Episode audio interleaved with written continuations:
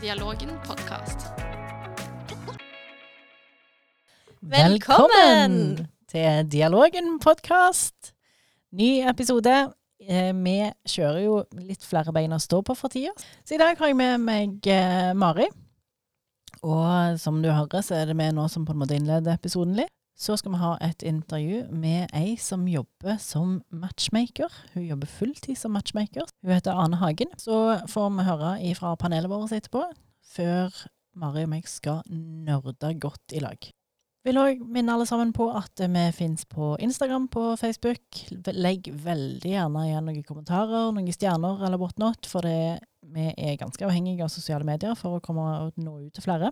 I dag handler episoden om dating.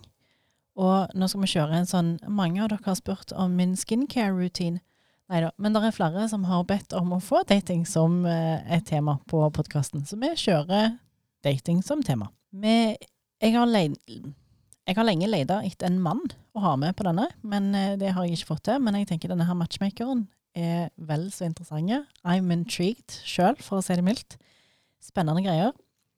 Og det vi tenker vi vil få til med denne episoden i dag, er å gi et litt mer realistisk syn på, på hva dating er for noe, hva tanker folk gjør seg om det. For det vi ser ofte i media, er at eh, det er ganske det vi ser i media, at det ofte er retta mot kvinner. Og så er det ofte en stakkarliggjøring av menn. Og så får man noen sånne enkle og stereotypiske portretter av både kvinner og menn. Og så gjør de det mye enklere enn det det i virkeligheten er. Ja, det vi ser er veldig sånn romcoms og litt sånn amerikansk eh, filmindustrien sin vri på egentlig hvordan er menn og kvinner. Eh, og det kan jo umulig stemme. Så banale er vi jo ikke. Nei. Så i dag skal vi se litt på Dere får jo da vårt perspektiv på saken. Få høre med Ane og panelet vårt.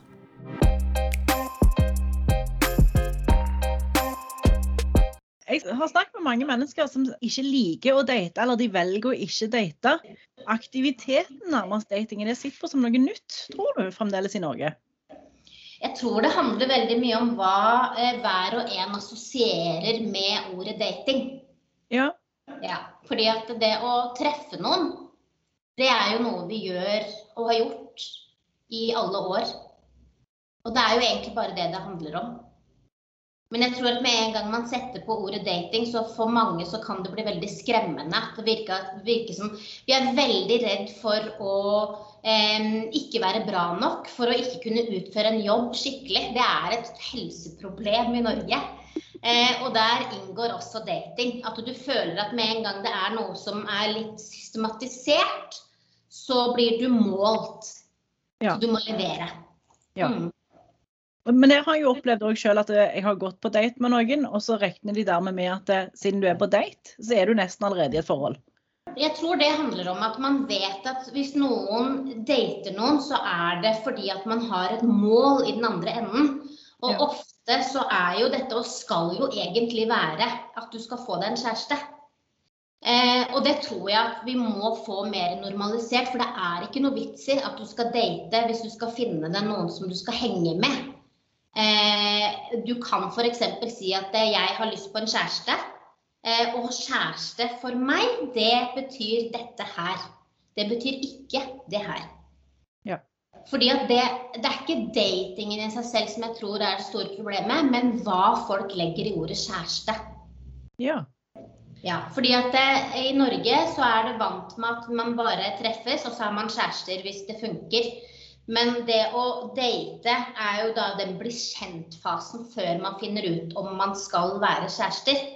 Eh, og så har det også vært sånn at hvis man er kjærester, så, så endrer man statusen sin på Facebook til eh, at man er i et forhold med. Og det er jo også helt feil. For du, når du er kjæreste med noen, så betyr ikke det at du er i et forhold med den personen for resten av livet, sånn som det blir oppfatta når du skifter status. På Facebook da har du på en måte bundet deg. Du eies av den personen som du er i et forhold med. Ja. Eh, men det å være kjærester, det kan være veldig forskjellige eh, måter å være kjæreste på. Det er helt riktig. Mm. Eller jeg tenker det samme. Så, men, men det å date, da, er det noe for alle? Eller er det bare må vi omdefinere det, og så blir det for alle? Eller? Eh, Det å date er for de som vil ha seg en kjæreste, og gjerne for de som vil finne en livspartner. Så det er jo ikke for alle. Nei, nei, nei, nei ikke alle single. Altså. Ja. Mm. Må du ha en viss personlighetstype for å date, på en måte, eller eh, Nei, nei, nei, nei. Hvis det er sånn du tenker. Eh, alle, alle som vil ha seg en kjæreste, vil ha seg en kjæreste. De er i én gruppe. Så det, det er ikke noe eh, Ja. Så det er liksom Det er veldig enkelt, egentlig. Har du lyst på en kjæreste? Ja. OK, da må du begynne å date. Har du ikke lyst på en kjæreste? Nei, nei, men da dater du ikke. Ja, veldig egentlig. Jeg tror veldig mange kompliserer det mye mer pga. den frykten de har, da. Ikke sant? Så de lager sånne unnskyldninger for at ja, men jeg vet ikke helt hva jeg vil ha, eller sånne ting. Nei, men da kan du date for å finne ut av hva du vil ha. Da får du treffe masse forskjellige mennesker og bli kjent med de og kjenne på OK, hva likte jeg ved den personen, hva likte jeg ikke ved den personen? Ja. Hva er det egentlig jeg vil? Så, så i, i datingfasen, når går det da fra å være liksom bare å bli kjent, og når går det over til å være noe annet? Altså, En hører jo ofte fra filmer sånn at det er regler satt for dating. Mm. date. Kommer du deg til tredje date, så skal du gå an til køys, f.eks. Mm, jeg, øh, jeg er jo både mot regler, men også litt for. Og det høres kanskje litt rart ut, men, men det handler bare om hva som jeg ser er viktig for å eh, legge noen ting i et system, sånn at det blir mindre forvirring og mindre kaos for seg sjøl, men også for den som man møter. Og jeg mener jo det at eh, etter tre dater så begynner du å få et ganske godt eh, bilde av om den personen her kan passe til deg eller ikke. Eh, vi sitter i dag med Tinder, og så klikker vi ja eller nei når vi ser på et bilde. Jeg mener at du skal klikke ja eller nei etter den tredje daten. Ja. At du skal gi mennesket en sjanse. Du skal bli kjent, og så skal du kjenne på at eh, det her er nei for meg. OK, da går du tilbake til start. Og det er ikke sånn at det, når du da etter tredje daten finner ut at ja, dette er ja for meg, så skal det, da er dere ikke kjærester. Det er da du begynner den prosessen som du vanligvis nå gjør på tiden det var å trykke ja. Ikke sant? For da har du kartlagt at ok, den personen her trives jeg sammen med. Jeg ser at vi vil kanskje det samme for livet. Vi liker å tilbringe tid sammen. Nå må vi finne ut hvordan vi er i en eventuell relasjon. Det er nå datingen begynner. Ja. Mm.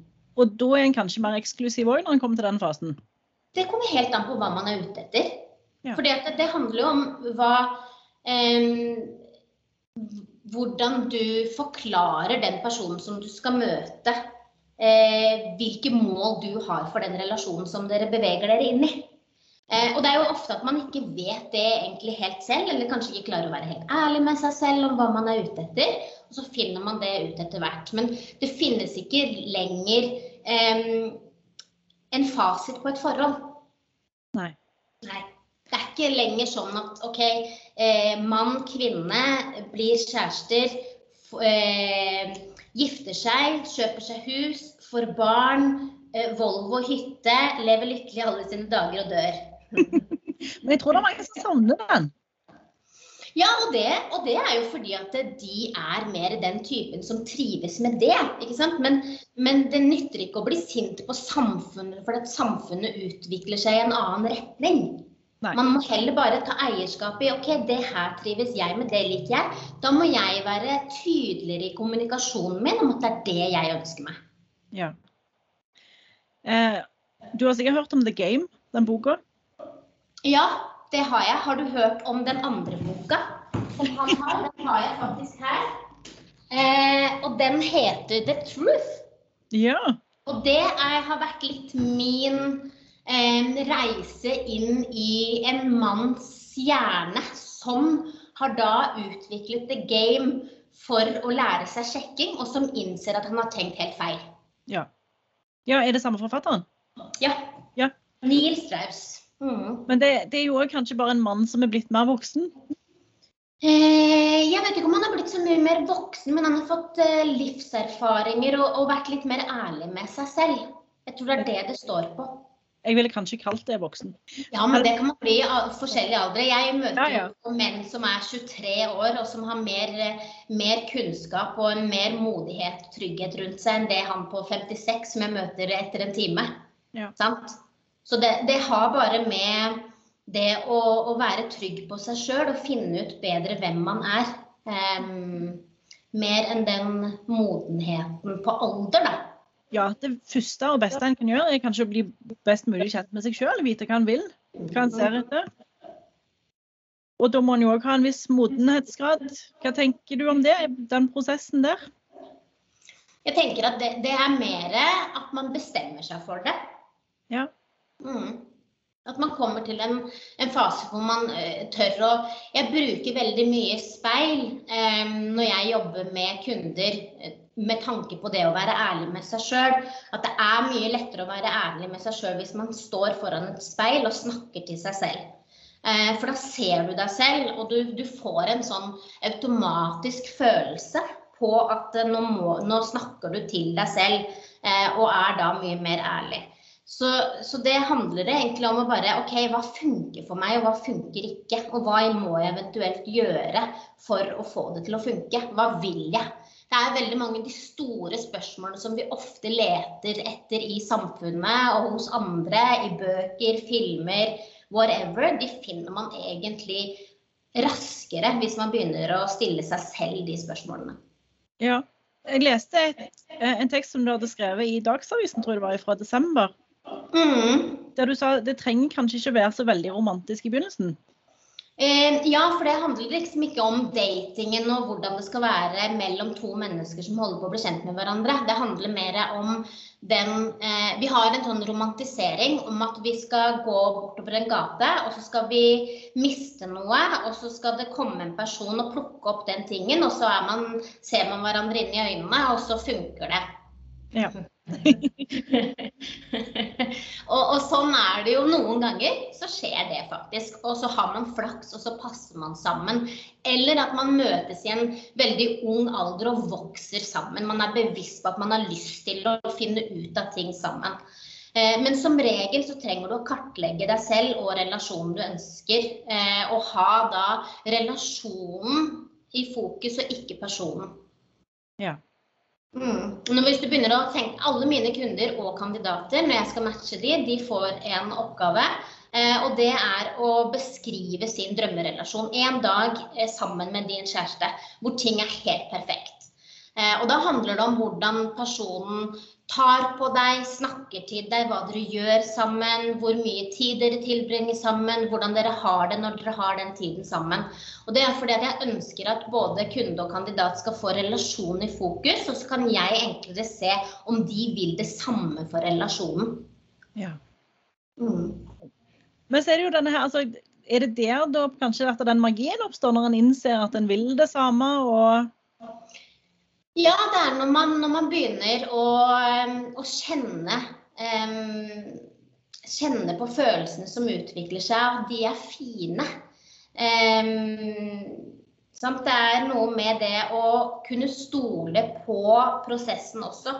Det som er fordelen når du har brukt en matchmaker som meg, da, det er jo det at du vet at den personen som du nå har mulighet til å bli kjent med, innehar de tingene som du ser etter kvalitetene, egenskaper, verdier er på en måte på plass. På papiret så passer denne personen til deg. Så handler det bare om kjemi.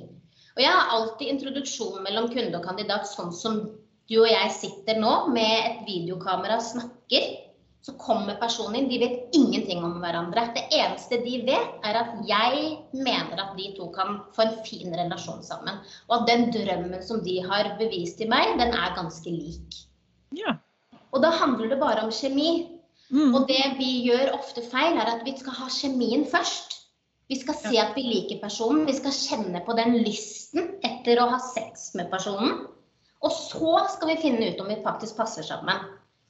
Og det som skjer der, er at den kjemiske reaksjonen i oss allerede har begynt. Og den gjør at ikke vi ikke tenker klart når vi møter den personen. Vi overser røde flagg.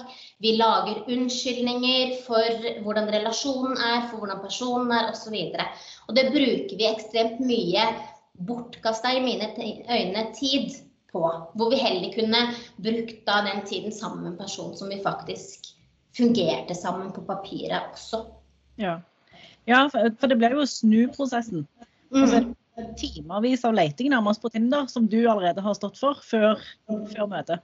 Mm. Eh, Og jeg leter jo heller ikke på Tinder, jeg leter jo gjennom nettverk osv. Og, så og det er jo fordi at mine kunder er som regel eh, suksessfulle, fantastisk bra damer som ikke gidder å bruke tida si på å sitte på en datingapp for å lete etter en kjæreste, eller som mest sannsynlig så er ikke han mannen. Er, jeg tror at nesten alle de parene jeg har gjort, så er én av to har ikke vært på Tinder.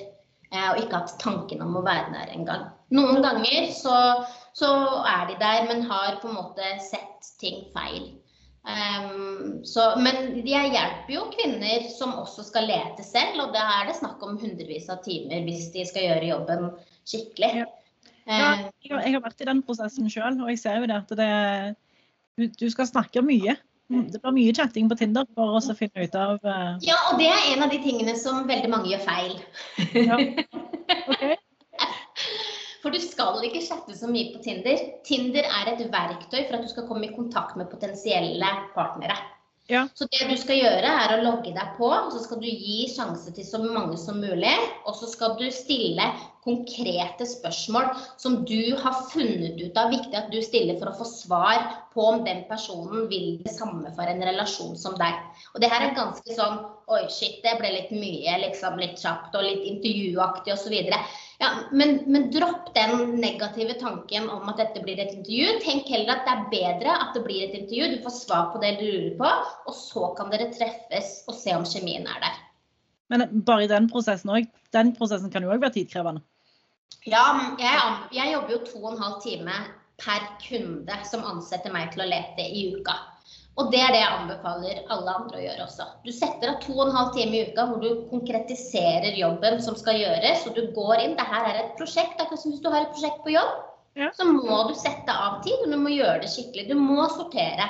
Det kan ikke være et sånt Hvis du går inn på jobbmailen din, og den inneholder masse mailer, du har ikke sortert, du har ikke putta noen i kategorier, ingenting, så er det kaos. Eh, men det lar vi være på Tinder. sånn.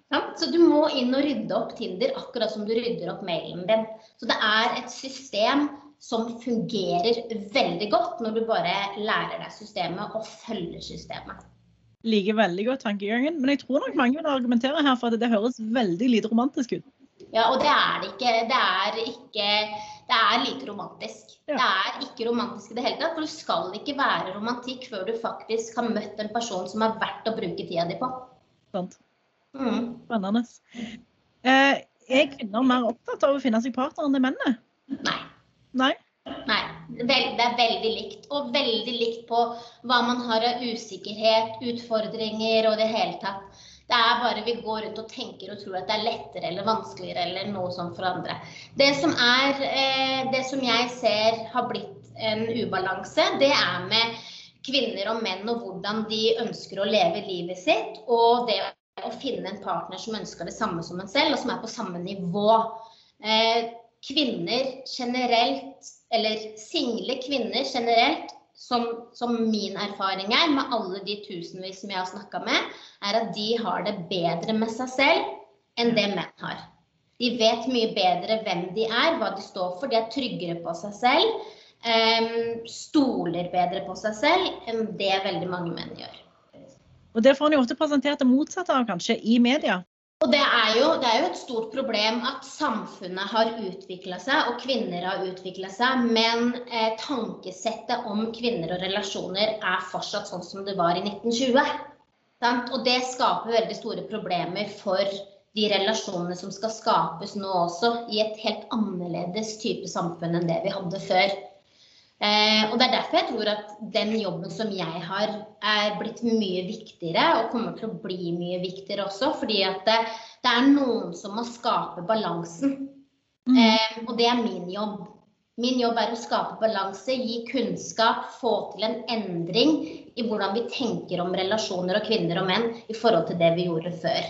Jeg har jo stått og lest gjennom mange av tekstene som er skrevet av deg og om deg, og der du har kommentert. Så har du Tuen som snakker i ett øre, og så har du Der er veldig mye tanker om dette her. Men jeg og Tuen er egentlig veldig like. Eh, Ja. Vi er fortsatt venner på Facebook og kan kommentere på hverandres statuser. Eh, så jeg syns eh, han har veldig mye godt, han også. Men vi er på et forskjellig utgangspunkt. Han har jobba mye mer med parrelasjoner og den problematikken. Jeg jobber mye mer med de single og de som skal inn i dating og inn i parrelasjon. Og, og så har jo eh, jeg tror jeg har en større kunnskapsbase og kompetanse på det singelfeltet enn det Tuen og andre har. Fordi at deres kunnskapsbase er fra media, som da har en feil eh, fremstilling av hvordan situasjonen egentlig er. Sånn at eh, Derfor stoler jeg mye mer Jeg har veldig god tillit til min egen kunnskap og kompetanse. Fordi at det er faktisk Kunnskap kan man ha. Man kan lese seg til så mye som mulig. Man kan få til seg ja, alt mulig kunnskap. Men kompetansen den får du når du jobber konkret med et individ som er innenfor den kunnskapen som du har. Da. Sånn at når jeg sitter, det er jo når jeg sitter og snakker med de single at jeg får kompetansen.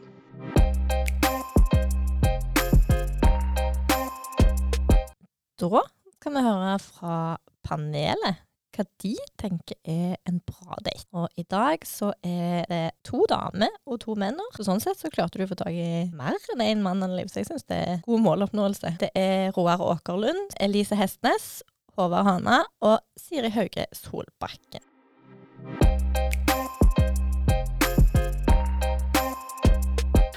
Hvis du spør hun hjemme, så må jeg aldri finne på å svare på det. Jeg er nok veldig lite romantisk av meg, for å si det sånn. Så jeg er der at uh, gå en tur eller noe Syns jeg er mye bedre enn en middag med levende lys og, og dype samtaler, for å si det sånn. Ja, Da føler jeg det er lettere å ta det når vi er ute og, ute og går en tur eller gjør noe, gjør noe sammen. Uh, så jeg har nok aldri vært noen romantiker. Det mistenker jeg har ei hjemme som sikkert kan være enig i. Bra date er en tid der du koser deg med andre. At det ikke trenger å være liksom noe spesielt som skjer, men du snakker mye, du snakker lett. Ting virker ikke påtvunget. Og så er jeg veldig glad i både småflørting og bantering, som må være en liksom, leken tone. Du leker deg med å bli kjent. Og helst ikke en sånn fancy middag eller noe stivt. Det er ikke jeg glad i sjøl. Men eh, bare slappe av helt naturlig. En kaffekopp, en øl, gå en liten tur, et eller annet sånt. Noe helt lett. Men at du føler deg sett, og føler at den du er med, genuint har lyst til å være der med deg akkurat da, er jo et kriterium. En bra date, det er de som er spontane. De der du eh, bare plutselig sender en melding 'Hei, skal vi gjøre det?' Og så ja. Og så, uten at du får tenkt deg om. Og så bare går du ut, og så må du bare gjøre noe. Du må gå på en kafé, du må gå en tur, eller Og så må jo praten gå av seg sjøl, da. At det bare går tema etter tema. At du ikke avbryter hverandre, men det kommer opp nye ting, og du lærer en del ting om, eh, om den du er med. da. Det er en bra date, for det, det, det er ikke alltid det blir eh, kjærlighet etter en date, men eh, hvis du da har lært noe og hatt eh, noe interessant å gjøre og gjort noe kjekt, så er det i hvert fall, har du i hvert fall gjort det. Jeg syns jo, eh, hvis det er med mannen min, da, den beste daten vi kan ha, det er å ta en sekk og gå på en fjelltur og se en utsikt. Altså, det syns jeg er Det er noe med å sette i gang praten og tankene når du går. Og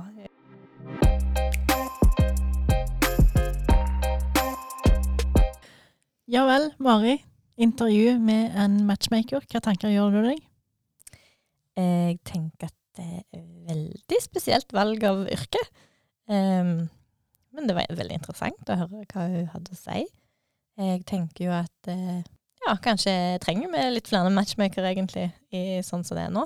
Samtidig som jeg tenker litt at som en matchmaker så tjener man jo litt på at alle de som på en måte har kontakt med deg, da har jo de allerede hatt den snakken med seg sjøl i speilet. Da vet jo de hva de vil. Det er jo ingen som tar kontakt med matchmaker, eller tror jeg. Det er jo folk som er klar for å finne seg noen.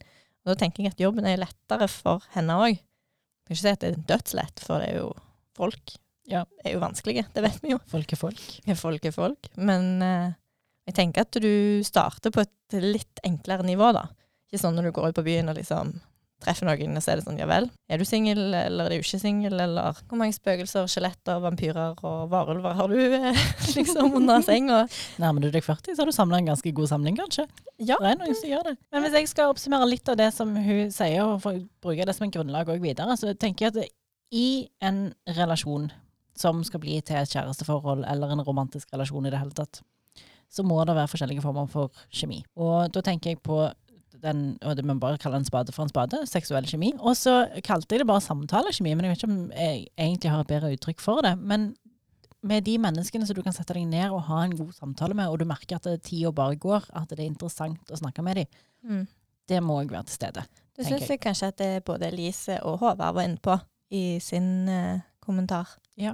Eh, sånn som Lise snakket om det her med banter. Sant? Det er jo en norsk, god norsk oversettelse, men å kunne tøyse med hverandre og ha kanskje litt mer det håpet seg ha liksom flyten går, snakken går. Kanskje være på samme bølgelengde, rett og Mm. slett. Mm. Og så er det en tredje ting som spiller inn, og det er jo det med å ha felles verdigrunnlag og drømmer, livsstil, kanskje, hva tanker en gjør seg om livet. Og hvis jeg forsto Hagen rett, så er det litt sånn at hvis du treffer noen på byen, så er det kanskje den seksuelle kjemien som er først framtredende. Ja. Og det kan, ja, da kan det si pang. Ellers kan du ha en god samtalekjemi for eksempel med noen på Tinder eller et eller annet sånt, men kanskje ikke nødvendigvis andre. Men det hun gjør, er jo å gå inn og finne noen som har det samme verdigrunnlaget som deg, som har de samme drømmene, som lever litt på samme måten og er ute etter de samme tinga. Og så tester du etterpå om det er samtalekjemi, og om det er seksuell kjemi. Istedenfor å gå motsatt vei, som er kanskje det som noen vil si er den organiske måten å gjøre det på. Eh, så er spørsmålet hva, hva er størst sjanse for å treffe blink? I hva ende skal du begynne? Er det høna eller egget først, på en måte? Ja. Jeg har jo faktisk skrevet oppgave om eh, førsteinntrykk eh, Ja. når jeg tok eh, Ja, uvesentlig. Eh, og det er jo litt av det her med den seksuelle kjemien, at vi bestemmer oss jo om et nytt menneske, hva vi syns om den personen på under to minutter. Ja. Første gang vi treffer dem. Så kanskje hvis du har en matchmaker, så, så blir den liksom litt lenger, den der Ja, kanskje. Men, men så tenker jeg at det, i noen tilfeller så, så må du ha seksuell kjemi, i noen tilfeller så må du ha samtalekjemi, i noen tilfeller så må du ha et felles verdigrunnlag. Det kommer helt an på hva du vil ha ut av relasjonen. Og det er jo forskjellig fra hvor en står i livet, osv., osv. Men ja, det er mye psykologi knytta til det. Vi snakket en del om denne seksuelle kjemien og, og kjemien som ligger i det, altså den faktiske biologiske kjemien. Vi hadde en episode tidligere om eh, forelskelse. Så snakket vi en episode om kjærlighet, og da tenkte vi på den langtidsvarende kjærligheten. Så hvis folk er nysgjerrige, så går det an å gå tilbake igjen og høre på de episodene der. Og så, ja, så har vi vært inne på det litt tidligere òg. Og så er det dette her med dating. Ja, skulle jeg finne en definisjon på dating, og det er jo ikke bare bare det heller. Nei, ikke det er litt sånn et amerikansk konsept sånn Vi tar et eh, Det er litt sånn som Valentine's Day og Halloween. Å, Ja. det så kjekt ut. Vi, vi tar det her òg. Er det ikke litt sånn?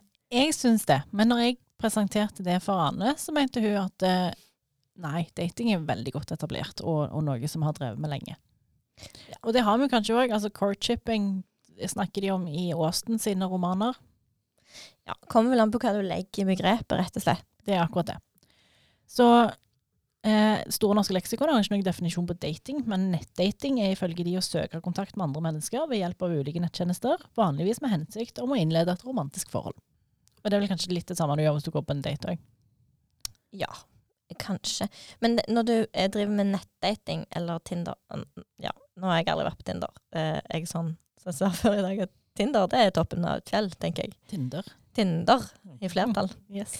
Uh, men det er litt sånn mm, på nettdating og Ja, det kommer litt an på hvordan du treffer folk, kanskje. Ja. Hva man legger i daten, da. Ja, jeg tenker òg det. Det. Men det kan man komme litt mer Mm. inn på etter hvert. Cambridge sin definisjon er to regularly spend time with someone you have a romantic relationship with. Altså treffe noen som du allerede er involvert med. Og Wikipedia sin er ganske lang, vi skal ikke lese hele den. eh, For dette der går det på Altså, du treffer noen sosialt med intensjonen om å se på hverandres muligheter og som en mulig partner. Så jeg tenker jo da, er, er dating en aktivitet en bruker for å treffe mennesker? Er det en aktivitet en gjør for å finne seg en kjæreste? Og da kan du òg begynne å liksom, definere hva er en kjæreste. Og date en da flere om gangen til den rette dukker opp, og hvem er i så fall den rette. Mm. Og dette her tenker jeg, det høres litt sånn rodete, virvaraktig ut. Vanskelig å si hva Ja, og sånn for eksempel hvis du går bort til de der amerikanerne og de, så kan jo de fort si sånn Oh, but we've been dating for six months. Og så er det litt sånn Å ja, seks måneder eh, Betyr det at dere har vært kjærester i seks måneder, eller betyr det at dere flør... Altså, date, altså, veldig forvirrende. Ja. Er du eksklusive? Treffer dere hverandre regelmessig? Dater meg og deg, Mari? Eh, godt spørsmål, egentlig. Ja. Er liksom vennetreffing på en måte, kan man kalle det òg for dating, da? ja. Det er jo plutselig Tenk hvis en av de har intensjoner om å innlede et romantisk forhold, men den andre ikke har. Er det en date? Ja. Så hele greia er litt sånn Men hun var jo veldig tydelig på det, da. Ja. Dating gjør du hvis du skal Hvis du vil ha deg en kjæreste. Hvis ikke du vil det, så dater du ikke. Nei. Men så er det mange som dater for å treffe mennesker òg. Og så kan det være at en av de dukker opp som en mulig kjæreste. Ja. For at mennesker har jo andre behov òg enn eh, å ha et stabilt og nært parforhold. Det kan jo være at du rett og slett er ute etter å få deg noe. Jeg- Jeg tror det er ganske mange av de som rett og slett er ute etter å få seg noe. Ja, så tror jeg òg det er mange av de som er ute etter å få seg noe, bare for å snakke om det veldig mye mer, eh, som kanskje egentlig har et håp og ønske om å, å lande noen, for å bruke et enda styggere uttrykk. Men jeg tror jo at det kan fort liksom bli både det ene og det andre. Ja. At noen som i utgangspunktet bare var ute etter å få seg noe, så oh, plutselig spol fram fem år senere gift og tre unger. Det, det kan jo òg skje. Ja. Eh, Sånn at det Stasjonsvogn kan ramme de fleste, De minst landene. det er ganske smittsomt òg, har jeg hørt. Ja. Eh, og så har jeg sagt at eh, for at eh, jeg skal kunne uttale meg om dette her, så må jeg kanskje òg eksponere meg sjøl lite Grann, at eh, vi kan bli litt irriterte kanskje på folk som uttaler seg i media, som kanskje ikke har vært på date eller vært gift i 30 år. De har Mm. snakket med mange andre som har data, men de har kanskje ikke så mye erfaring sjøl. Det er ikke Tuen og Sjøs vi er peker mot allerede, er det det? Eh, nei, hvem er de? Hvem er de? Vi kommer tilbake igjen til det. De ligger alltid bak betalingsmur, så jeg får aldri lest hva de skrev. Jeg er så Har du ikke kjip. Aftenbladet Aftenblad legger det ut etter de har vært i Aftenposten ofte. Ja, det er sant. Sant vel? Så du må bare ha Jeg leser ikke på. nok aviser, da. Men eh, ja, for å eksponere meg sjøl og gjøre meg sjøl litt sårbar eh, og tydelig, så eh, Jeg var jo i et forhold fra, i, eller i hele 17 år, fra jeg var 15 til jeg var 32. Det er ganske imponerende å begynne så tidlig. Ja, det er det, men eh, kanskje ikke òg. Men eh, jeg gikk ut av det og, og trodde ikke på, på Nei, på forelskelsen. Altså den der blomstrende som du leser om i Shakespeare og sånt, den hadde ikke jeg helt tro på at eksisterte. Kjærlighet er noe nært og fint og alt dette her, og veldig mye fint du kan si om den, men denne pang-forelskelsen hadde ikke trua på det i det hele tatt. Eh, men eh, jeg hadde jo aldri noensinne vært singel før, kjente ingen single, og jeg var nysgjerrig på Tinder. Og så er jeg veldig glad i å treffe folk i tillegg. Så jeg eh, heiv meg på Tinder, og så smalt det der med en. Eh, og, og det var liksom, da traff jeg plutselig et menneske som jeg hadde både seksuell og den der samtalerelaterte kjemien med. Og det hadde jeg aldri trodd i forkant at jeg skulle oppleve. Så det var litt kult. Men, men det endra jo mye av virkelighetsoppfatninga mi. Så hadde jeg Det ble aldri noe av det. Og, og det kan man kanskje trykke på denne tredje, som jeg sa, at det er felles verdigrunnlag og felles sånn, som, som gjør at det, det der er ei lukka dør. Men så hadde jeg en sommerflørt den samme sommeren etterpå. Og fantastiske mann. Vanvittig hyggelige og greie og flinke og smarte og alt som jeg egentlig hadde sett for meg i forkant at en mann skulle være. Men så kribla det aldri. Det var liksom aldri noe der. Og da sa jeg nei til han. Så det ble ikke noe mer. Og, og det gjorde jo at jeg da plutselig sto nesten i identitetskrise. Ikke helt, jeg overdriver litt nå. Men for dette, da ble det den der Shit, da tror jo jeg nå på forelskelsen. Og så heiv jeg meg ut på, og det ble jo heller ikke noe av, eh, og det var meninga. Men så gikk jeg Altså ga jeg meg ut på, på eventyret om å prøve å finne meg en kjæreste. Og da merker jeg at når, jeg, når det var målet, så satte jeg ikke de samme kravene på en måte til eh, Og jeg, fant en kjæreste. Igjen en veldig hyggelig, snill, grei greie mann. Og jeg tror ikke det kribla så veldig mye for noen av oss, så det ble ingenting. Og da lærte jeg at jeg, jeg kan ikke ha et kjæresteforhold uten at jeg føler det helhjertet. Så det må krible, sånn som det gjorde med han som det smalt med første gangen. Og jeg snakket litt med, med Ane om dette her, vet ikke om det kom så mye fram i intervjuet, men vi snakket litt før og etter òg. Og det jeg har lært av denne her prosessen min, er jo hva jeg liker. At eh, hva, hva er det som gjør at det kribler? Hva er det som er den der eh, samtalerelaterte kjemien, og hva er den seksuelle kjemien, og, og hva er det jeg blir tiltrukken av i en mann? Du må gjerne gjøre deg noen erfaringer òg for å finne ut av det. Ja. Jeg fikk et sånn Jeg bare kom på noe. eh, når jeg gikk på videregående, så var jeg på kafé med tanten min. Og da var jeg kjæreste med den første kjæresten min, som jeg var dødsforelska i. Og tenkte at han, han skulle jeg gifte meg med og få unger med og alt. Og da var jeg jo hva da, 16-17 år. Og da husker jeg at hun sa til meg, Mari, du skal ha minst 15 kjærester før du gifter deg.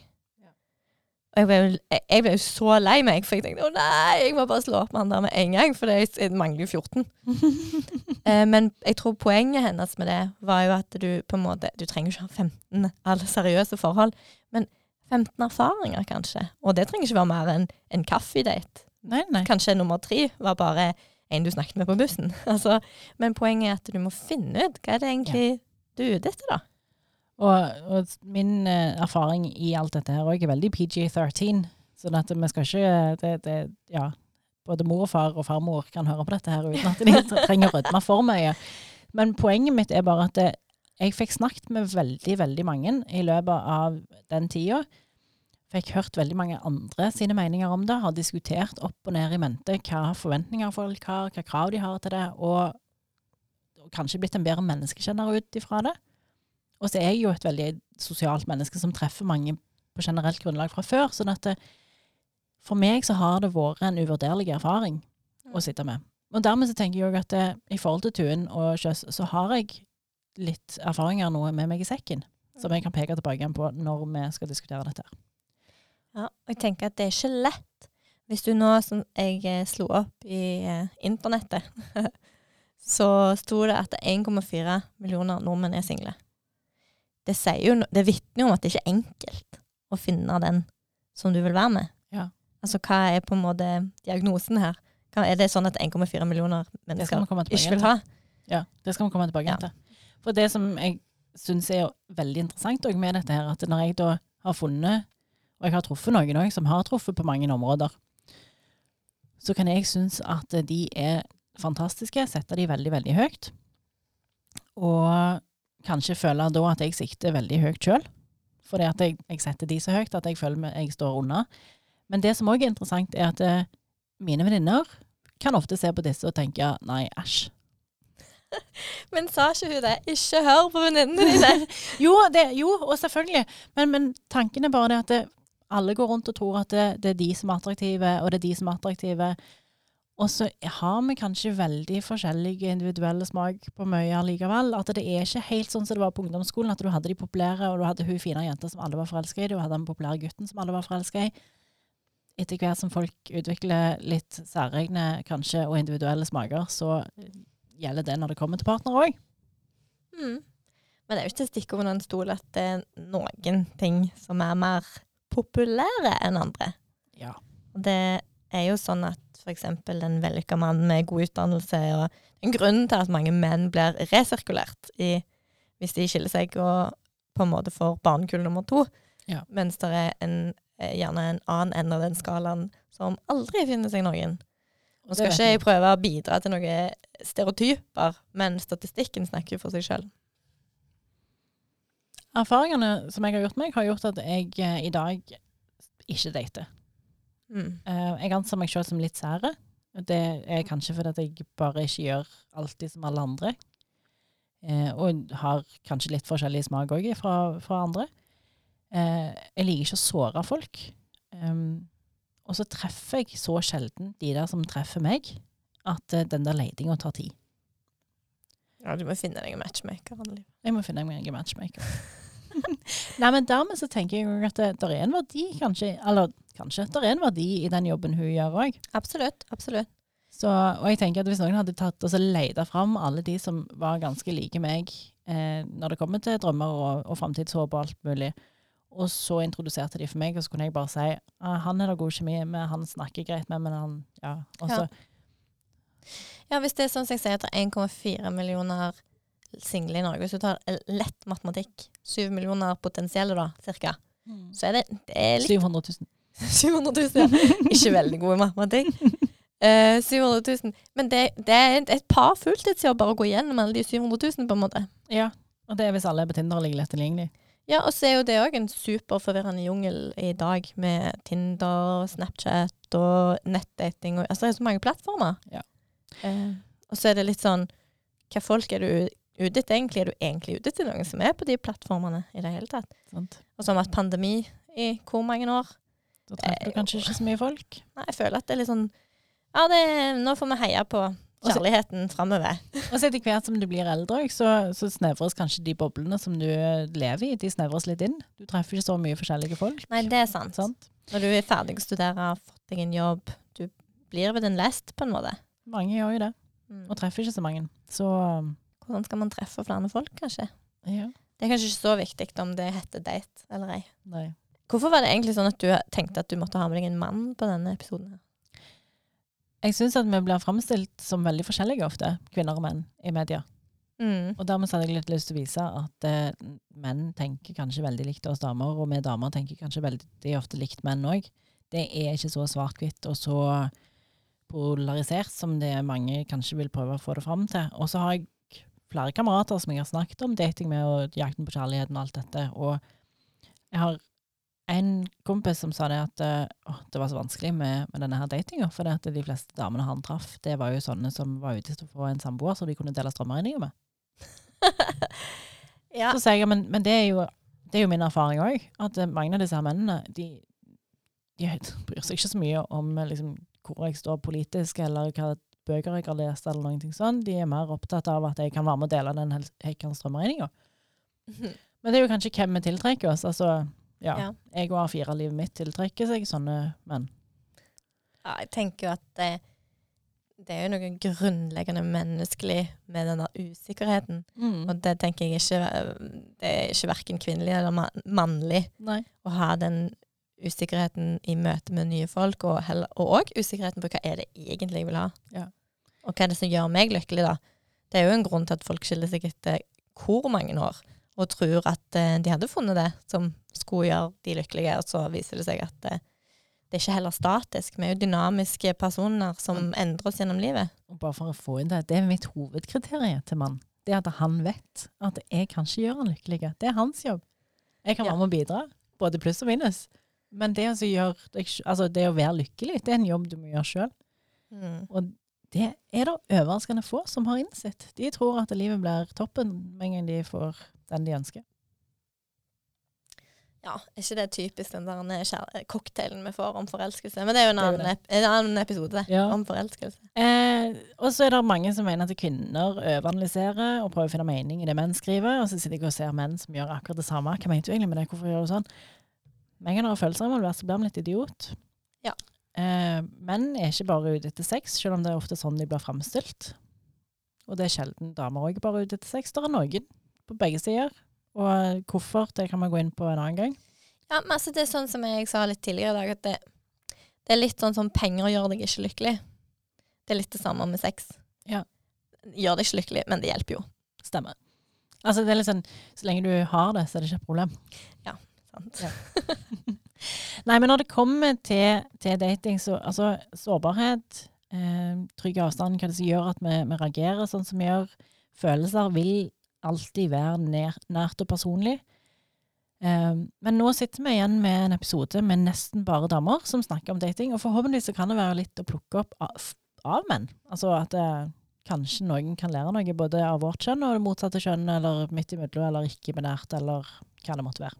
Sånn i media det var vel i høst kanskje at de snakket mest om det, så var det snakk om markedsverdi. Og det var hovedsakelig damer de gikk på. Det var Tuen, eh, Frode Tuen og Peder Kjøs som var de som var ute og snakket om det. Ja, det var et spennende tema. Men jeg tror det var mange som ble fornærma bare av ordbruken.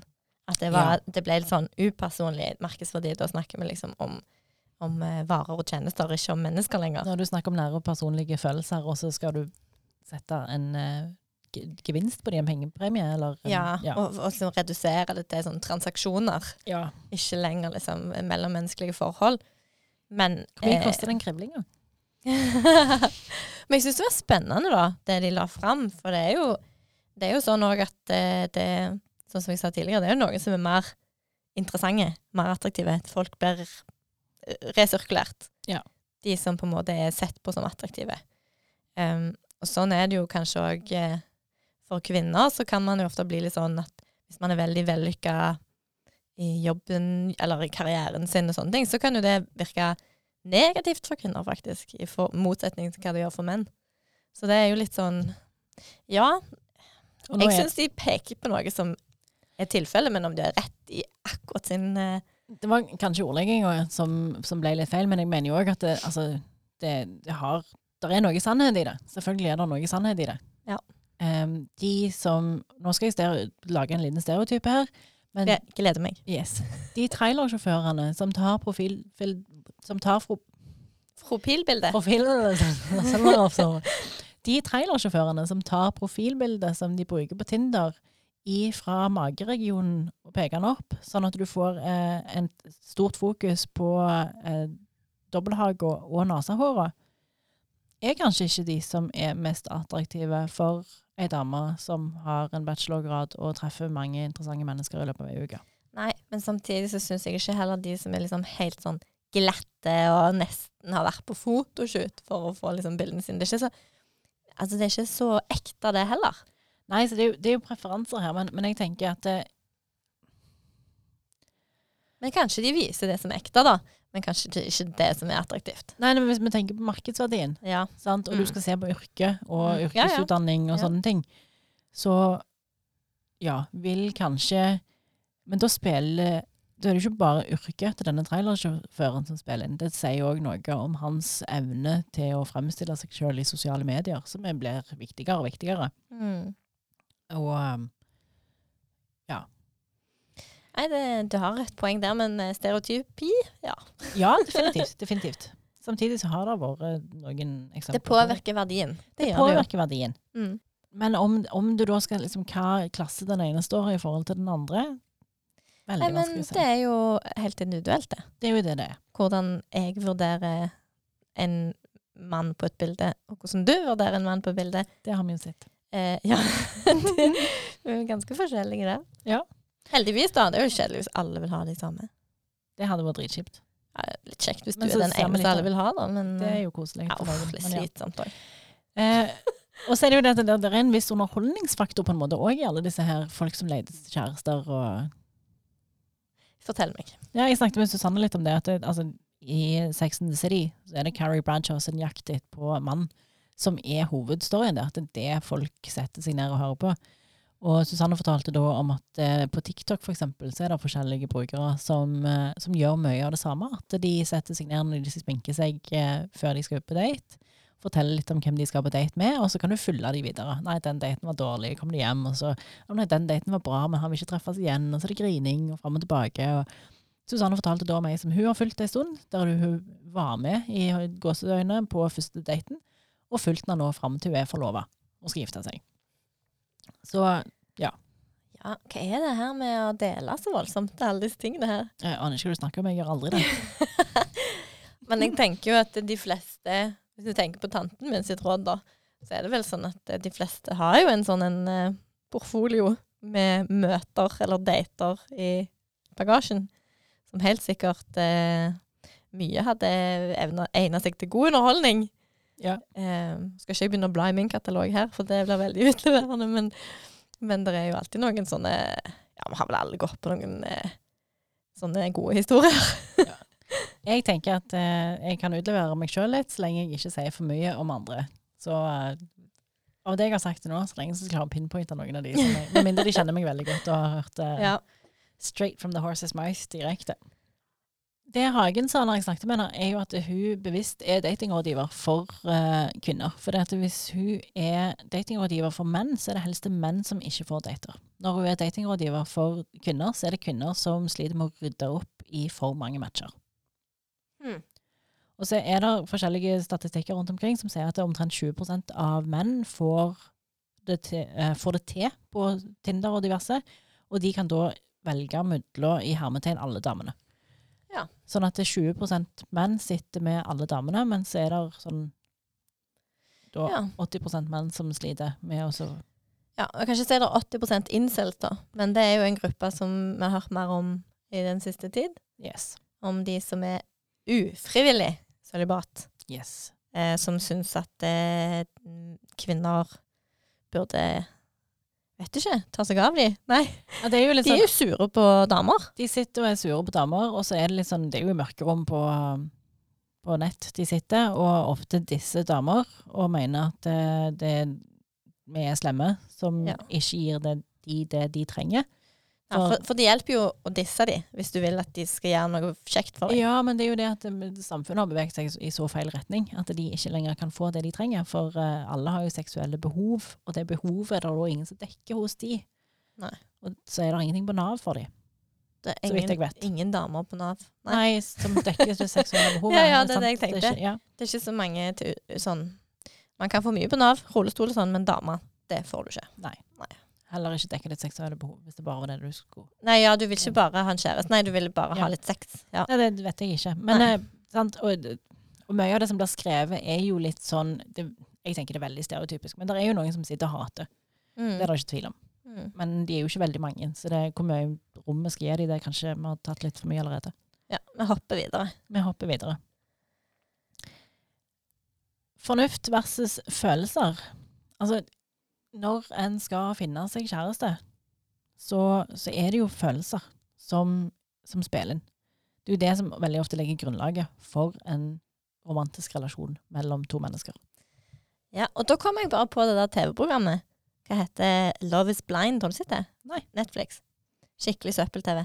Men uansett, der, hørt om det. der er det jo sånn at man setter folk sånn at de ikke ser hverandre, de bare snakker sammen. Ja. Sånn at man fokuserer på følelsene. At man ikke på en måte eh, bryr seg så mye om utseendet, da. Ja, men da hørte jeg om en tidligere òg som sa det at eh, han, han var på Skavlan og snakket, og sa det at eh, i, når han skulle ansette folk i sitt firma, så burde han egentlig treffe dem uten å se dem. Mm. Fordi at eh, utseendet var Ja. noe som spilte inn. Han burde kun ta utgangspunkt i CV-en deres. Ja. Men, sa han, det gjelder jo ikke på dating, for der er den seksuelle kjemien òg så viktig. Ja. Du kan ikke bare se på CV-en til noen og si 'Å, dette ser bra ut, let's roll'. Roll. Nei, du, det er jo arrangert ekteskap, det. Ja. Eh, og det har vi vel Ja, det er jo litt sånn frowned upon i Norge. Det tror jeg er mer utbredt enn du, du forventer. For der har jeg altså, og, og igjen diskutert med kompiser som føler at du setter deg ned med noen som har en sånn avkrysnings, avkrysningsliste, og enten så får du jobben, eller så får du den ikke. På date, liksom. Ja. Eller i forkant av daten. Og det er jo litt det Ane Hagen òg sier, at du må være litt sånn nærmest disiplinerte og kynisk i begynnelsen. Ja, det er helt sant, Vi å det. finne ut er vedkommende en bra match for deg i det hele tatt. Er Ja. dere ute etter det samme? Hvis dere er ute etter det samme, la oss ta neste skritt. Ja. Og da forsvinner magien, sier noen. Ja, men så sa hun òg det at gi det i hvert fall tre dater, da. Ja. Sånn at du på en måte kan se og er der Hvis vi er enige, da, om Mm. at vi har de samme verdiene og sånn, så kan vi iallfall gi det en sjanse på tre dater og se om det blir noe, på en Ja. måte. På en måte. Ja. Så, og så har jeg bare skrevet her at eh, vi må få fram sårbarheten som oppleves i dating. For dette, det er jo det er sårt, og det kan være vondt, og det kan være vanskelig. Ja, love det- hurts. Sånn er det jo. Ja, men, og det, sånn er det jo for alle. Ja. Og så er det jo det at det å ble, bli Hva heter det? Uh, turned down? Ja. Eh, jeg kan ikke norsk, jeg heller. Hvordan tolken her? ser jeg. Nei, nå kom jeg kommet til tolk som ikke er i bruk. Det å bli avvist er jo så Jeg husker ordet. Det å bli avvist er jo vondt. Selv om det er på helt korrekt grunnlag, og du egentlig ikke har lyst til å gå videre sjøl òg, så kan det jo bare liksom den der ikke godkjent-stempelet Ja. gjøre vondt uansett. ja, det er helt sant, det.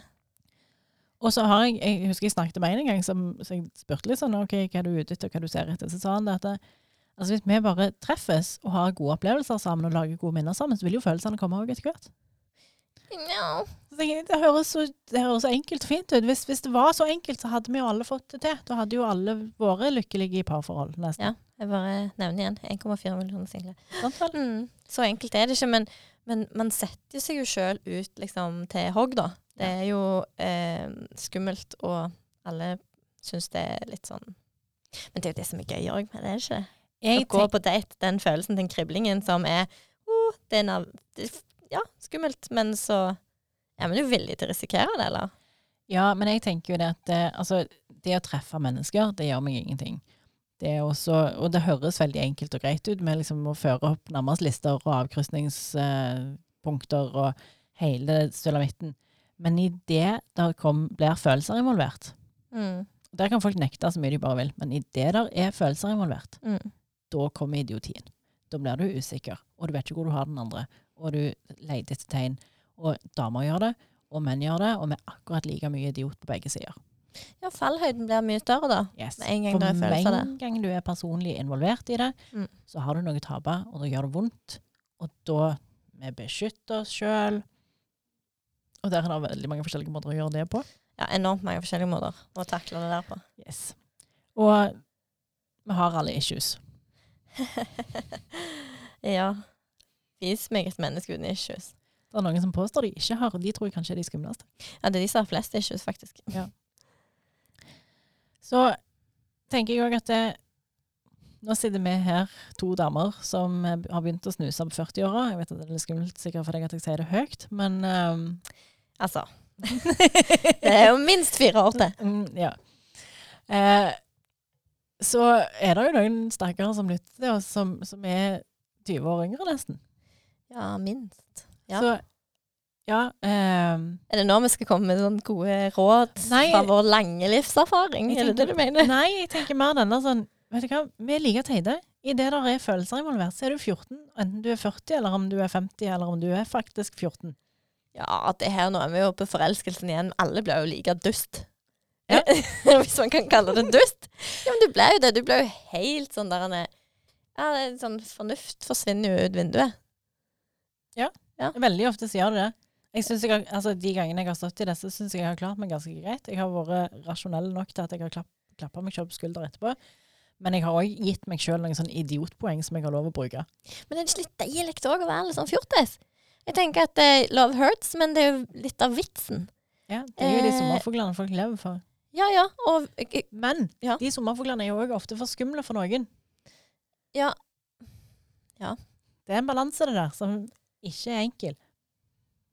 ja, hvordan er det når du har vært liksom, gift i 30 år? da? Fins det sommerfugler i det hele tatt? liksom? Nei, ja, det er en annen episode. vi har uh, en episode om kjærlighet som vi har uh, lagt ut tidligere. Den er bare å lete fram. Nei, så um, Ja. Og da må vi gå over på dette her at det er greit nok at vi har det emosjonelle å tape, og at det kan være skummelt, men så, så er det jo noen sånne fallgruver òg. Ja. Og um, selv om jeg har hatt veldig mange interessante opplevelser og truffet nesten utelukkende gilde mennesker, så har jeg òg truffet én drittsekk. Altså, de fleste folk er jo greie. Sånn i utgangspunktet. De vil deg vel. Ja. Men vi kan ikke stikke under en stol eller et bord, eller vet ikke helt hvordan det uttrykket egentlig det. Eh, Bøye seg i hatten videre. Men, men for oss damer, dessverre statistisk sett, så er det jo en risiko for Hvis du treffer en skikkelig drittsekk, så kan det fort eh, ha en pris.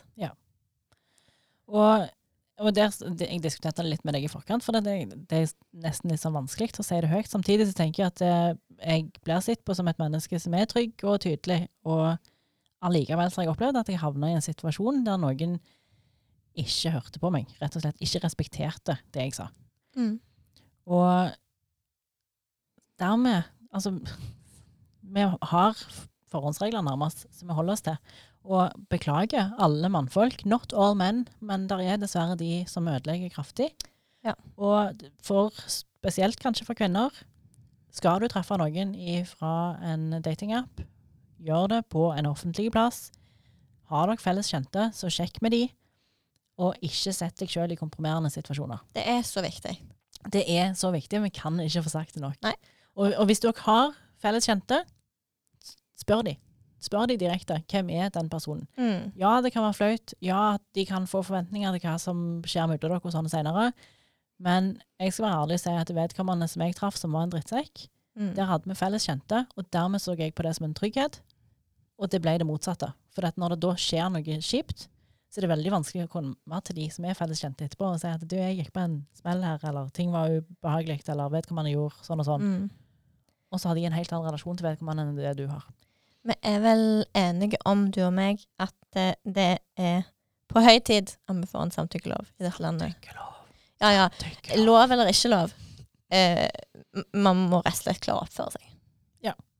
Men ta Dessverre. Man må ta noen forholdsregler. Det er bare sånn det. Og, og gjør det. Både første og andre date, kanskje. Vær litt forsiktige. Heller en gang for mye enn en gang for lite. Ja. Ja. For det eh, Og det er da jo noen sånne stereotyper som har gjort det verre for menn. Sånn at eh, folk som sitter med hashtag not all men, sier der, der er De aller, aller fleste er gode og gilde. Og så har Ja. du f.eks. Neil Strauss, som har skrevet bok som heter The Game. Den trenger ingen å låne og lese. Jo, det tror jeg alle skal gjøre. For du skal vite om de elementene. Og jeg har syntes det har vært galgøy å være på date med de mennene som har lest Game og tror at de da kan snakke. Og jeg har, jeg jeg har godt av meg. Jeg har galkost. Noen av mine mest interessante datingopplevelser har vært med menn som har lest Game, og som tror at disse tingene funker. Ja. Å, herremann som jeg har kost meg. Det, og ja, og, for, og så bare liksom sitte og se på dem når de liksom legger ut på denne her turen sin, og så bare si sånn Du, det funker ikke. Det går ikke. Nice try. Eh, klapp på skuldra. Good move. Eh, Det er sånn som Ryan Gosling sier i den der veldig, veldig festlige filmen eh, Crazy Stupid Love. Yeah. Sier The war of the sexes is over, and we have won. så ble jeg sånn mm, Nei. Nei. Eh, altså, der, der er det Ja. Vi har flotte, intelligente menn. Der er flotte, intelligente damer. Å, herlighet. En hel haug av de. Kan legge til at damer kanskje er mer høyere utdanna enn det menn er i Norge i dag. Bare sånn for oss. Ja, nå skal vi snakke om likestilling. Nei, det Nei, det skal vi ikke. blir en annen episode. Så eh, den, den boka handler jo om altså, det nedlatende overfor kvinner og objektivisering av kvinner. Og, og det er et sånn sosialt spill. Du skal bygge deg opp en fasade for å overbevise damer om at de vil ligge med deg. Trenger ikke være at de, du bare skal få de til køys, men få de til å se deg. Mm. Sånn at du, det, vi trenger ikke bare si at dette er negativt, og at han gjør det kun for å objektivisere damer. For det, det, du kan jo òg bruke mange av de samme spillereglene for å liksom, get noticed. For Ja. å bli lagt merke til. Hadde det ikke vært fint hvis de folkene som brukte, de mennene brukte så mye tid på å framstå som interessante? Kanskje de heller kunne brukt den tida på noe som gjorde de interessante? En, det er jo noe òg altså, Lær deg å spille gitar! Altså, Ja, vet men- ikke, få deg en hobby! Istedenfor å lese The Game og liksom Ja. bøffe de Nei. Gjør noe annet. Det som er interessant med han her Neil Strauss, han har jo skrevet ei bok senere som heter The Truth. Og han sier jo at The Game ødela jo han i stor grad, for at han var ute og, og med en gang han så ei dame, så var det å nærmest sette hun på en skala fra én til ti hvor bra hun var, og om han da kunne klare å, å få lurt henne. Det han sier, er I'm attracted to people sometimes, but I think that part of my brain was trained for years, constantly, wherever I went, whenever I walked into a room, these little lights would go on on a switchboard on a switchboard in my head. The switchboard is still there, he says. Only now anyone can illuminate it. Anyone interesting. I can relate to people on a human level. Så vi snakker jo her om en Hvordan skal du bli lagt merke til av andre mennesker? Og det er litt sånn som med Jordan Peterson òg, som sier vanvittig mye teit, men han har jo noen poenger òg med ta deg sammen, rett deg opp, få deg en hobby, gjør deg sjøl interessant før du går ut og prøver og så Mm. hanke inn noen som faktisk er interessante. Ja. Eh, generell sosialisering der, altså. Yes. Og det er jo der det som kanskje incels òg. Altså, sitter du på et mørkerom med en chatkanal og, og bare snakker drit om damer, så er kanskje ikke det den mest attraktive hobbyen vi damer ser etter. Nei, altså jeg tenker istedenfor å sitte på nettet og klage over at det ikke damene vil ha deg, så meld deg på et singkurs, da. Eller eh, altså, treff folk. Det er ikke nytt å sitte og klage Nei. uten å prøve. Selvfølgelig er sikkert mange som har prøvd og er dødslei av det, men det hjelper ikke å sutre. Nei. Det pleier jeg å si til ungene mine òg. Og noen må kanskje høre det flere ganger. Nei, du kan ikke få leker hver dag. Nei, det var helt on the side. Ja. Er kvinner mer opptatt av å finne seg en partner enn det menn er?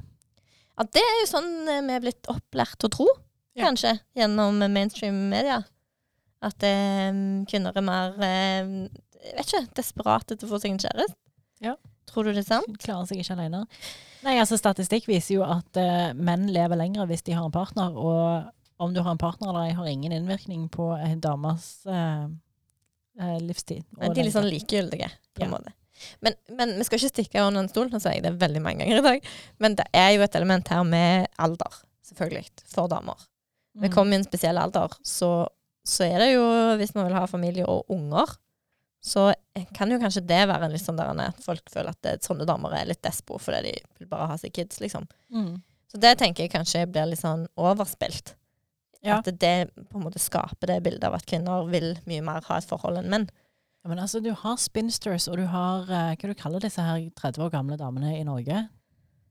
Spinsters heter på norsk Peppermø. peppermø, rett og slett. Ja, Hvis du er blitt 30 og ikke er gift ennå, så er du peppermø. Ja nydelig. Og det Og så får du pepperkvern til 30-årsdagen. Sant. Og så det eksisterer jo ennå, og alle som er single, har mottatt spørsmål fra familie og nære og kjente. Gjesp. Ja. Har de funnet deg noen nå? Hvordan går det med deg? Å, stakkar deg som er alene. Jeg merka jo at det var deg. sant? Jeg jo at det var folk rundt meg som opplevde det som et statusfall at jeg skilte meg. Å, hjelpe meg. Har vi ikke kommet lenger enn det? Jo, mange av oss har. Ja, heldigvis. Fjo. Men, eh, men, men sant, så det oppleves jo fremdeles. Et menneske som er alene, regnes jo, virker det som, av mange som ikke er lykkelig. Ja. At du trenger hjelp. Du trenger noen. Mm. Og så er det denne her Trenger vi noen? Altså, Altså, I og med at vi er så opptatt av å finne en partner, trenger vi noen? ja, hva trenger vi de for? Klø deg på ryggen. Klø deg på ryggen, ja. At det er litt vanskelig å få til sjøl, men det finnes sånne pinner du kan kjøpe. Ja. Nei, men men sånn seriøst, er det, er det et behov vi har å være to? Jeg tror vi har et behov for å være flere. Sånn i relasjonsmessig. At man, men vi er jo flokkdyr. Ja. Men jeg tror ikke at vi, at vi må på dødeliv ha en partner. Tror du det? Jeg tror folk trenger folk. Ja, jeg tror mange kan være minst like lykkelige alene som i et forhold. Men sånn på generellen så tror jeg de fleste vil ha en bestevenn og en kjæreste. Ja. Sånn egentlig innerst inne. Ja, jeg, jeg tror det. At- Hvis det er noen som være- gir deg noe, selvfølgelig. Ja, selvfølgelig. Altså, jeg, det er mye bedre å være eh, ensom alene enn det å være ensom sammen med noen som du egentlig ikke skal være ensom sammen eh, Skal være ensom med. Nei, det er helt sant. Den var, den var dyp, den. Ja, det var så dypt at jeg måtte bare Hiver du ut en sti, eller? Så jeg kan klatre opp igjen. Jeg har tau her. Eh, så jeg, jeg tror jo at eh, altså, Skal vi se på liksom, hva kroppen gjør når du er sammen med et annet menneske, med alt det av oksytociner som eh, produseres, og serotonin og En, diverse endorfiner, kanskje du tenkte på det? Nei, oksytociner. Den som, Oksytociner. oksytociner den uh, vi produserer nå når vi sitter her og snakker sammen og smiler til hverandre. Så deilig at Yes. jeg fikk litt av det. Hvis du har sex så med noen, så har, produserer du ganske heftig med oksytociner. Hvis du sitter og har eh, hudkontakt med noen, hvis du gir en 40 sekunders klem, så hvis det er liksom den optimale lengden for å, klemme noen for å sette i gang oksytocinproduksjon. Så kroppen har jo noen sånne ting, lykkehormoner, som produseres veldig mye av når en er nær noen som en er glad i Mm. og mer hvis det er in, altså rett og slett hvis det er intimt og, og nært fysisk. Mm. Sånn at det Men vil, kroppen vil sånn biologisk sett helst ha en Ja. kjæreste. Ja, jeg tror faktisk at det, mye, det ligger mye der. Og jeg, jeg trives veldig godt som singel. Eh, og klarer meg veldig fint. Altså, jeg har hus og bil og barn og alt. Så jeg har, jeg har jo ikke noen klokke som tikker, og er veldig, veldig glad for det. Men jeg kjenner jo òg at det, det hadde vært veldig godt å ha noen. Men jeg er veldig på det at jeg For det første så må jeg gå helhjertet inn i det sjøl. Og så, så må det være en mann som det kribler Altså det, det må smelle litt hos meg for at jeg skal For det må tilføre noe ekstra som er positivt. Mm. Så da er spørsmålet er dating eh, du må betale for det? Nei, jeg er ferdig å date. Jeg har ikke data på to år. Nei, men det var det jeg tenkte på. Kanskje Ja. egentlig må du ut igjen. Uh, nei. Uh, Jeg hadde noen elever Ut, her. fiske med not. Uh, ja, ja, for det har vi ikke Det er snakk om Tinder-strategier. Det var litt morsomt. Jeg satte meg med to kolleger her en dag og sa at vi skulle lage en episode om dating. Eh, og de var sånn åh, dating. Så sa jeg ja, vi har med en matchmaker. Oh, I'm intrigued, sa den ene da. Og da begynte de å snakke om Tinder-strategier. Eh, og hvem er det som er på Tinder, og hvorfor? Og han ene er liksom sånn ja, damer er bare på Tinder for å få oppmerksomhet, fordi de får så mye matcher at det OK. litt den der halvbitre. Og så er det jo som vi snakket om, at eh, en liten andel menn får en stor andel kvinner, og så er det veldig mange færre kvinner fordelt på de resterende mennene. Og så var det en som da brukte uttrykket å fiske med not. Altså menn som går inn på Tinder, og så bare sveiper de rett på alt. Og så ser de hvor mange matcher de sitter igjen med etterpå, og så sletter de etter hvert som de liksom Nei, det var ikke så bra. Nei, det var ikke så bra. Så det, det her er det mange forskjellige strategier, og, og mye bitterhet tror jeg knytta til mange av de da som ha, føler de havner i feil bås og feil boks og ja. Fordelen med å la være å være på Tinder. Så slipper man jo alt det der. Ja, sant? Heller bli med meg opp på toppen av et fjell. Men Nei, deg, men altså- deg og mannen din, eller? Ja, men du ser jo sant, det som Hvis vi går tilbake til det som de i panelet snakket om, så var det jo egentlig ganske nedpå. Det er veldig nedpå. Det er egentlig det alle vil ha. Noe som er ukomplisert og enkelt, og ikke skaper høye skuldre. Yes. Noen som ser deg, noen som har lyst til å være med deg, Mm. noen som lytter til deg. Ja, og så Yes. trenger det ikke være sånn der en eh, middag, treretters middag med, med liksom stearinlys og sånn. Det kan like godt være en runde rundt motstanden, liksom. Jeg så en, en veldig hyggelig film knyttet til det, da, som eh, heter He's Just Not That Into You. Mhm. Eh, og den er veldig forenkla, men den er veldig fin på den der at eh, ok, hvis noen er faktisk er interessert i deg, så, så viser de det på en eller annen måte. Og Ja, de prioriterer deg, tenker jeg. Yes. Og det handler jo om å Men så hadde jeg en diskusjon med en kompis da, som, eh, som var ganske, ganske på tuppa etter ei dame. Og så sier jeg har du vært For han var litt sånn ja, hun viser ikke så mye tegn. Og så, har du vært tydelig til hun da? Nei, men han kunne jo ikke det. Og jeg var sånn ja, men du må jo det. Hvis hun sitter og lurer på om du er interessert, så, Ja. så er jo Det var den der fallhøyden igjen. det er den fallhøyden nå. Altså, men du må ta initiativ. Her må du tørre. Du må hoppe i det. Ja. Yes. Eh, sa du det høyt til deg sjøl? Nå snakker du egentlig inn i et speil, Vet du hva? Jeg har vært veldig flink, syns jeg sjøl. Hvis jeg har truffet noen som jeg syns er interessante, så har jeg sagt til dem. Og noen ganger så har det vært dritskummelt, for jeg syns at de er veldig bra. Men da har jeg faktisk sagt at jeg syns du er veldig bra. Det betyr ikke nødvendigvis at jeg er hodestups forelska i deg, men, eh, men Det er jo en fin ting å gjøre uansett til folk, da. Jeg tenker at når du dater, så skal du alltid vise folk respekt. Ja. Du trenger ikke gjøre livet verre for dem. Det, det er en ganske fin pekepinn. Ja. Og folk generelt får for få komplimenter. Ja, det er så sant, det. Så hvis du, hvis du går på date med noen, uansett hva det er så, altså jeg, Min tanke er at de kan godt få lov å sitte igjen med at det var en positiv opplevelse å møte meg, selv om det ikke førte til noe. Ja, og vi er alle ute etter bekreftelse. Det trenger alle i hverdagen. Ja. Og jeg merker jo sjøl at det, det er vanskelig noen ganger å være singel, og så har du av og til følelser som svinger, og så treffer du noen som du syns er interessante, og så er ikke de interesserte tilbake igjen. Det er en emosjonell berg-og-dal-bane. Ja. Absolutt. Og da tenker jeg at hvis jeg kjenner på den berg-og-dal-banen, så er det andre òg som kjenner på den berg-og-dal-banen, så da kan jeg godt være med og så dytte den litt opp, istedenfor at det Så tror jeg jo at man eh, vokser på alle de opplevelsene, og da er det jo ekstra viktig at de opplevelsene at de er ja, verdifulle, da, selv om det ikke ble noe. på mm. en måte. At det var Det bidro til, til deg som menneske uansett. Ja. Du ble kjent med noen. Ja, ja, jeg har truffet fantastiske mennesker i Mm. løpet av min tid på Tinder. Ja, ha respekt Så. for folka. Ja, absolutt. Så tenk, Men kanskje ikke string people along for det. Selv om du syns de er hyggelige, så kan, må man jo være tydelig hvis man ikke er interessert. Ja, men, ja og, men det handler jo om å respektere dem. At Mm. eh, Du kan få lov å gi dem det komplimentet, men du skal jo være tydelig på at det her er jeg interessert eller ikke interessert. Ja, det er ganske slitsomt. i hvert fall hvis du ikke er interessert. Ganske slitsomt med sånne som du føler at du er ganske tydelig med dem, og så gir de ikke opp for det om. Jeg har hatt noen av de òg. Ja. Og, og fått slengt i trynet. At, eh, for jeg har sagt ja, men jeg sa jo at jeg ikke var interessert. Ja, men du er dame, du sier jo ikke hva du egentlig mener. Altså, åh. Jeg, jeg har en eks som sendte meg liksom blomster på Valentine's Day to år etter at det var slutt mellom oss. Ja, men det er koselig. Å nei. Nei. Eh, Nei, det er bare creepy. Ja, det, Det er kun creepy, faktisk. Jeg har aldri Ene gangen så fikk jeg 'forglem meg ei blomst. oh. Oh.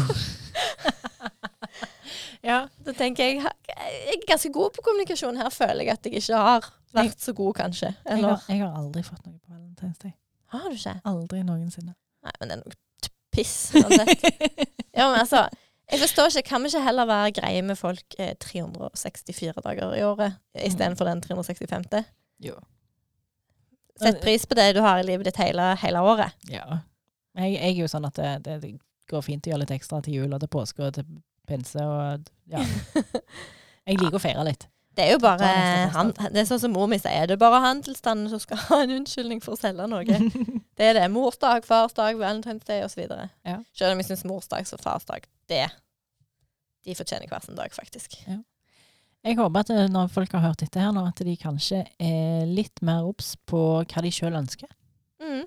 At de har tenkt, altså at de får kverna til å gå litt Til og- Til kverna. Fra kverna til kverna. Oh. På Kvernavika.